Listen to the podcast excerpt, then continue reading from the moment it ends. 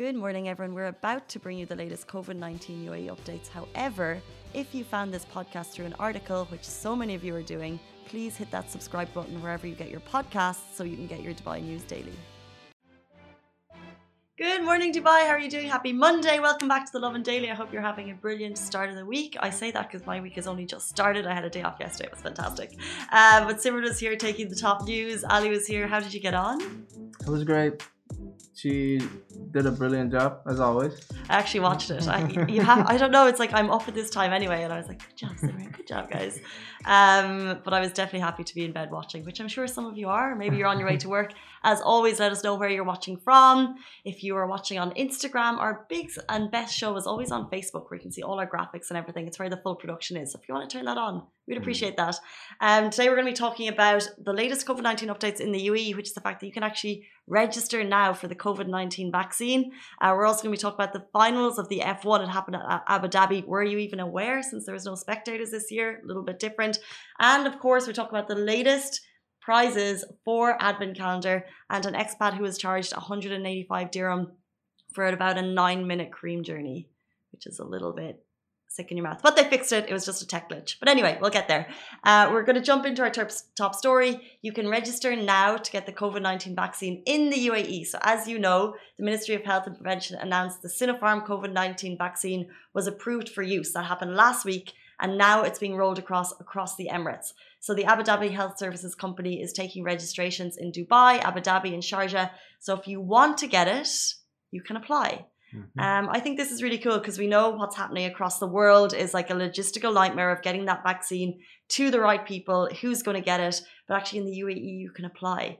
Um, so this is really, really cool. So a little bit of background on the vaccine. Um, if you've been kind of living under a rock, we know that the immunization program showed an 86% efficacy rate in preventing infection, but also, and this is a bit that's quite exciting, 100% uh, rate in preventing moderate to severe symptoms, 100% excuse me rate in preventing moderate to severe symptoms with no observed side effects.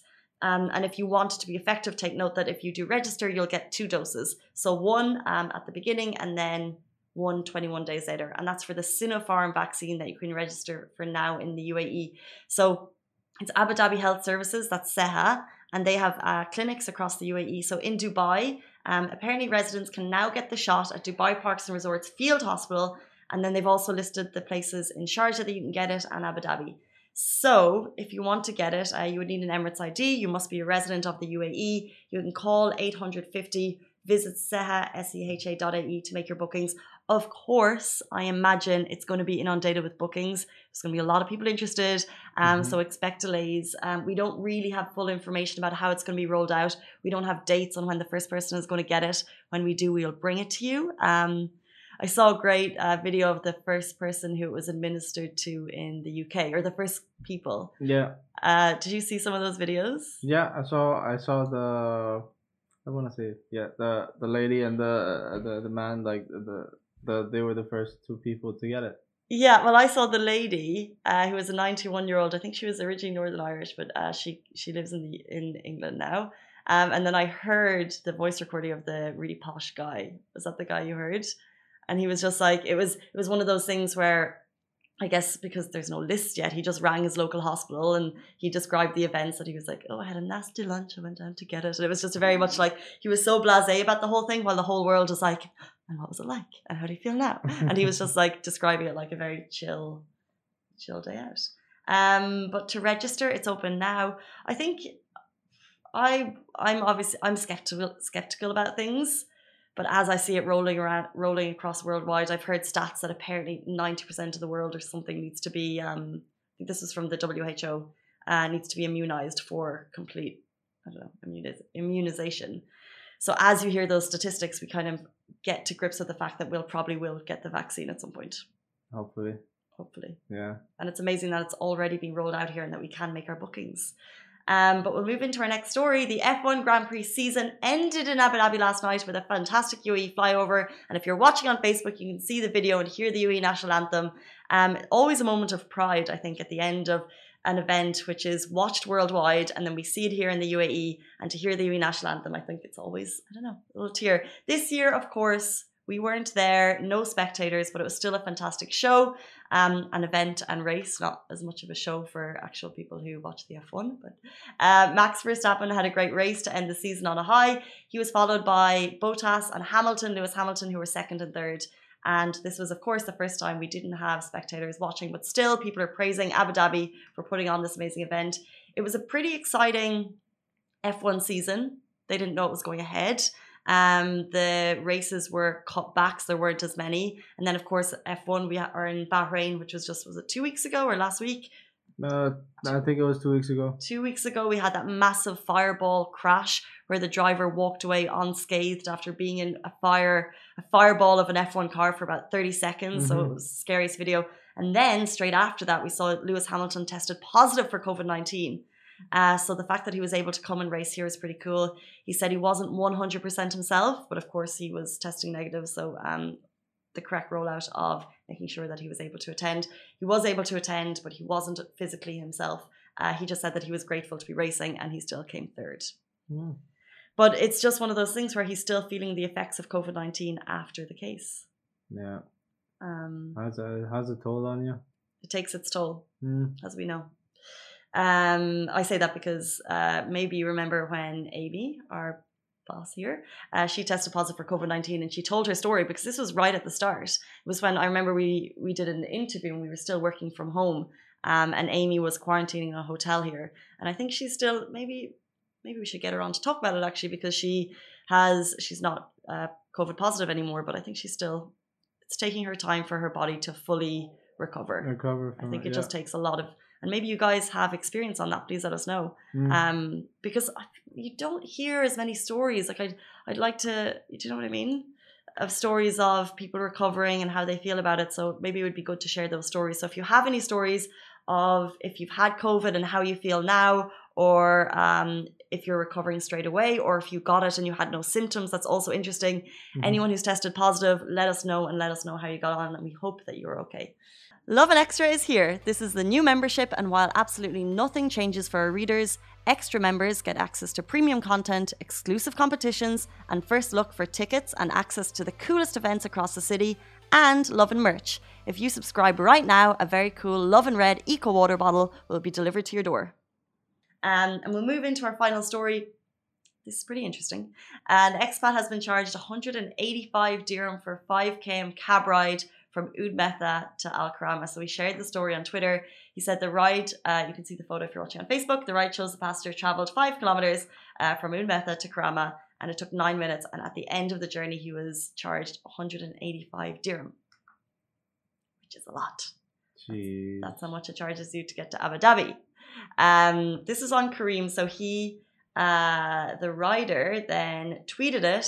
Uh, he added Lovin Dubai so we could see the story. Simon wrote it. And then since then, um, and I have to shout out though, in general, if you have an issue with Careem or uh, I'm just going to throw out some uh, good service providers here Deliveroo, uh, Talabat. If you mention onto them on their websites, or actually, I use Munchon every day for lunch and I have issues and I'm always getting in touch. They're really good to get back.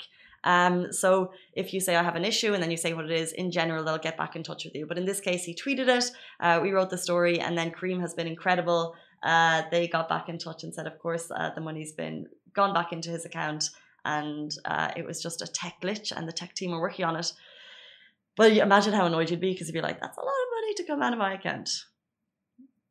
At any time of year, I was going to say it this year because I'm broke coming up to holidays, but in general, it's a lot of money. And that is why I don't like taking taxis. That is a, this is a one-time thing. I know, I know. It happens. It happens, especially with when you're working with uh, applications. You know, these type of things happen. You know. Yeah. I take Careem nearly every morning and I haven't had a tech glitch like that.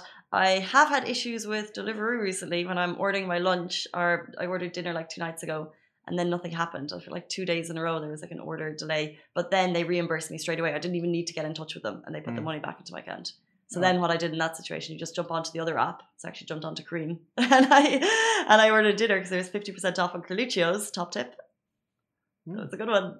Uh, 50% off on Carluccio's is amazing um, but yeah, so 185 dirham for a nine minute journey. It's not um, Uh, but it's been it was a tech glitch and it's back in order guys before we leave you i want to shout out it's the lovin dubai advent calendar 24 days of big huge prizes simran talked about it yesterday we're talking about it every single day because it's basically a way um, for one person to win something amazing so the prize is live for three days so if you go on to lovin dubai website right now click on advent calendar you can scroll up to what date are we on on the 13th day of Christmas? 14th.